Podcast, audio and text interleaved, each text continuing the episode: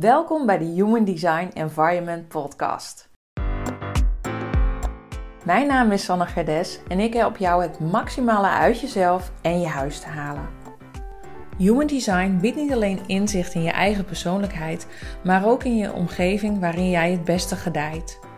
Door je ideale omgeving te begrijpen en deze principes toe te passen in je huis, kun je een ruimte creëren waar je optimaal tot rust komt en volledig jezelf kunt zijn.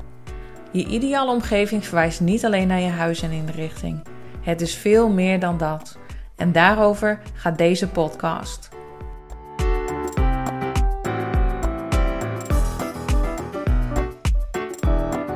Als we ergens wel niet geconditioneerd op zijn, gewoontes op hebben of uh, regels hebben van hoe het hoort, dan is het wel op eten. En ik dacht, laat ik daar eens een podcast over opnemen. Want ook daarin kun je heel veel ontdekken in je Human Design Chart. Eh, hoe jij van nature eigenlijk het beste ja, eten tot je kunt nemen. En dat heeft ook niet alleen met eten te maken, maar ook de manier waarop jij informatie uh, verwerkt. En het mooie is dat het natuurlijk ook weer in verbinding staat met je ideale omgeving. Zo afgelopen uh, week, toen uh, had ik voor Tigo een broodje gesmeerd. Gesmeerd. Hij wil geen boter. Had ik hem een uh, broodje gegeven en een plak kaas. En Tigo die eet dan het liefst eerst de kaas op en daarna het broodje. En je zou denken, ja, welk kind snoept nou niet graag zijn beleg eerst van zijn brood? Maar uh, Tigo eet het liefst altijd zo, zeg maar alles apart. Het moet voor hem zo simpel mogelijk. Gewoon geen ingewikkelde dingen. Hij houdt ook niet van pasta's als de dingen door elkaar zitten. Hij houdt niet van stampot. Uh, als hij eet, dan wil hij ook liefst um, eerst vlees eten en daarna wat groente en daarna een aardappel. Hij houdt ook niet van sausen. Um, dus dat is wel heel erg grappig en dat heeft hij al vanaf jongs af aan. En in het begin, toen hij zijn eetpatroon wat veranderde, want als, als baby kreeg hij natuurlijk gewoon of natuurlijk, maar toen ja, gooide ik alles door elkaar en dat gooide ik in de blender en daar maakte ik een prakje van en dat gaf ik hem.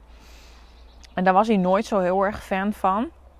Hij had het gevoel dat hij altijd als tot een jaar of twee best wel ja, dat tot zich nam en daarna eigenlijk niet meer.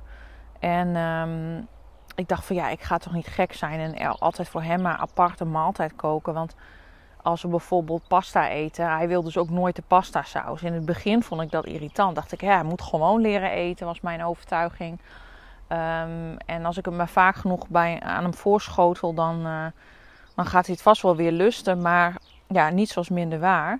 Dan duur heb ik het ook losgelaten. En nu maak ik gewoon eigenlijk altijd als wij pasta eten voor hem, kook ik gewoon even aparte pasta. En dan krijgt hij gewoon uh, zijn pasta zonder saus. En af en toe wil hij kaas erover en soms ook niet. Dan leg ik er gewoon los wat komkommers en tomaten bij en dan is hij tevreden. Dus dat is geen strijd meer. Toen dus Tigo afgelopen week aan zijn broodje met kaas had en dus het apart aan het opeten was, dat was een prachtig voorbeeld. Want Rodi kwam beneden en die zei direct tegen hem: En zo gaan we niet eten. Je eet ook je brood op.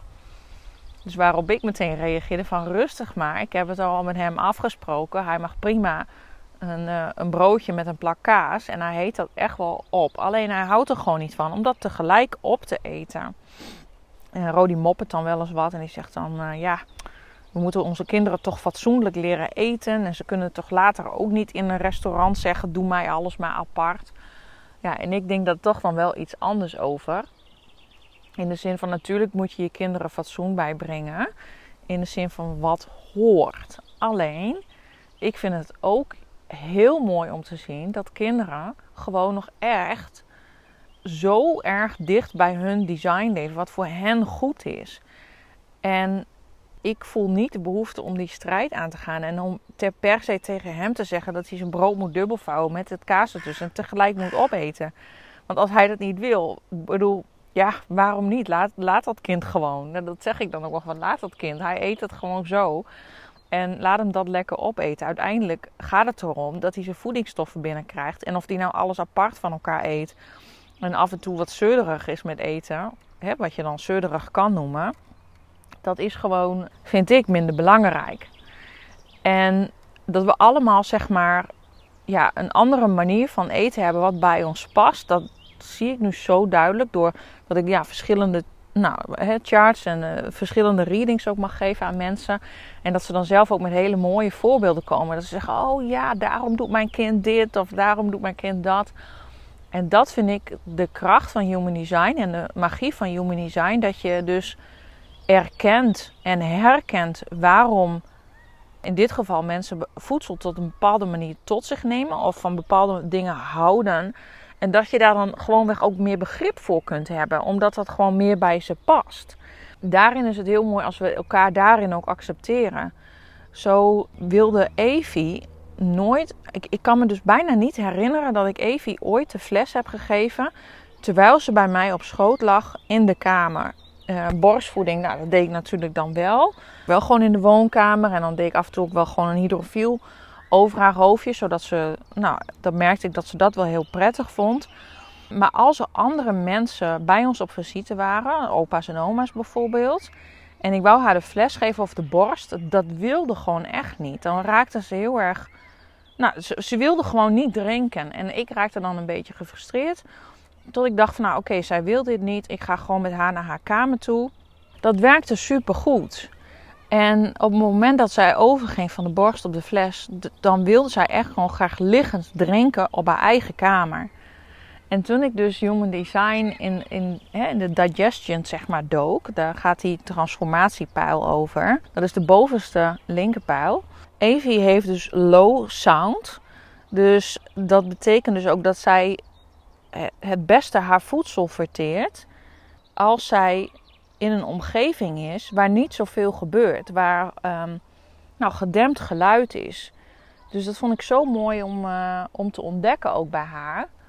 Nou, en Rodi daarentegen, die eet het liefste voor de televisie. Ja, ik vind dat dus eigenlijk echt zo niet chill. Want daarin zijn we natuurlijk ook heel erg geconditioneerd. Van eten doe je aan tafel. Uh, eten doe je met je gezin aan tafel. En je wacht op elkaar met eten. Je gaat niet eerder van tafel af dan dat iedereen klaar is. Nou, daar zitten ook heel veel conditioneringen op en dingen wat fatsoenlijk is. En Rodi eet het allerliefste gewoon voor de televisie liggend. Um, hij is ook gek op, op markten en kramen, zeg maar. Of daar houdt hij dan helemaal niet van. Maar waar hij dan wel van houdt, is al die foodtrucks en zo. Dat vindt hij echt fantastisch. Hij gaat de ene foodtruck naar de andere af.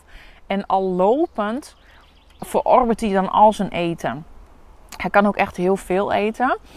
Maar hij is ook weer goed in intermittent fasting. Dus uh, hij kan zo zeg maar de hele ochtend niet eten en dan aan het eind van de middag pas eten. Nou, ik moet dat echt niet doen. Ik ga daar echt heel slecht op. En toen ik ook weer in zijn profiel dook en op, precies op dit stukje, vielen alle puzzelstukjes weer zo mooi in elkaar. Want hij heeft een buzzing atmosfeer, dus een, een, een, um, ja, een omgeving zeg maar, waarvan het fijn is als er veel gebeurt en geluid is. Dus denk, ah, dat verklaart dus waarom hij graag voor de tv eet. En uh, dat hij het fijn vindt, of dat hij überhaupt dat kan, zeg maar lopend eten. Dat is iets wat ik gewoon, ja, eigenlijk niet kan. Of ik, ik hou daar niet van. En ik heb dus ook weer een spijsverteringsstelsel.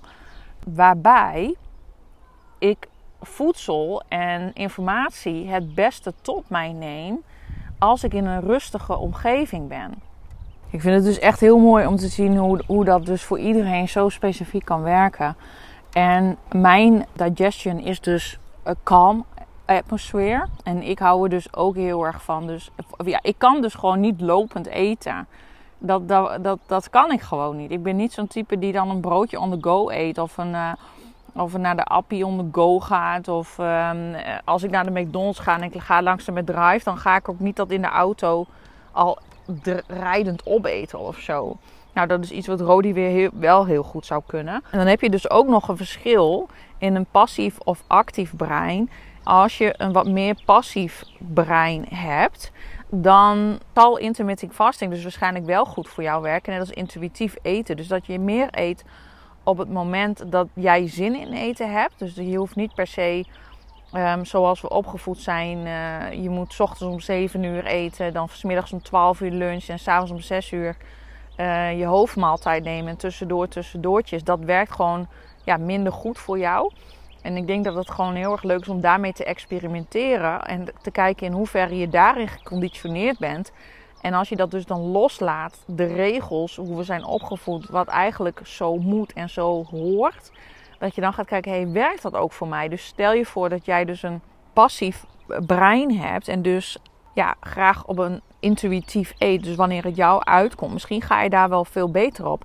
En kun je het dus ook gewoon loslaten dat je bijvoorbeeld volgens een bepaald schema moet eten of een bepaald dieet. Nou, en als je een actief brein hebt, dan werkt het tegenovergestelde. Dus dan heeft je brein echt heel veel. Nou, sowieso natuurlijk heb je je hersen gewoon goed voedsel nodig en uh, goede voedingsstoffen. Maar als je een actief brein hebt, dan werkt dus intuïtief eten juist niet goed voor jou. En is het heel goed om juist wel um, een bepaald ritme uh, in je eh, voedselopname te hebben. En dus wel bijvoorbeeld te eten om 7 uur, 10 uur, 12 uur, 6 uur. Hey, you name it.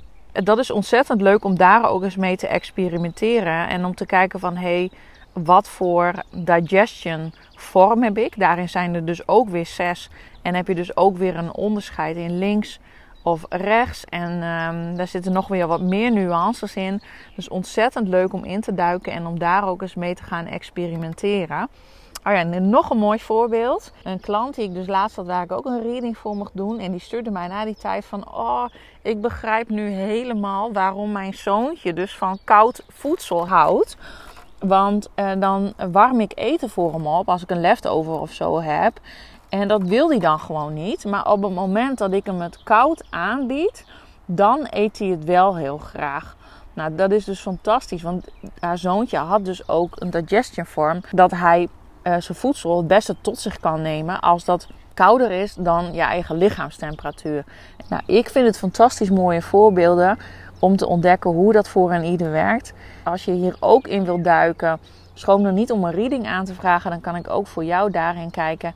En uh, dit is wel een beetje meer deep dive in je profiel. En ik zou zeggen, ga gewoon vooral le lekker het experiment aan. Om te kijken of het voor jou werkt of niet. Veel plezier daarmee. Dankjewel weer voor het luisteren.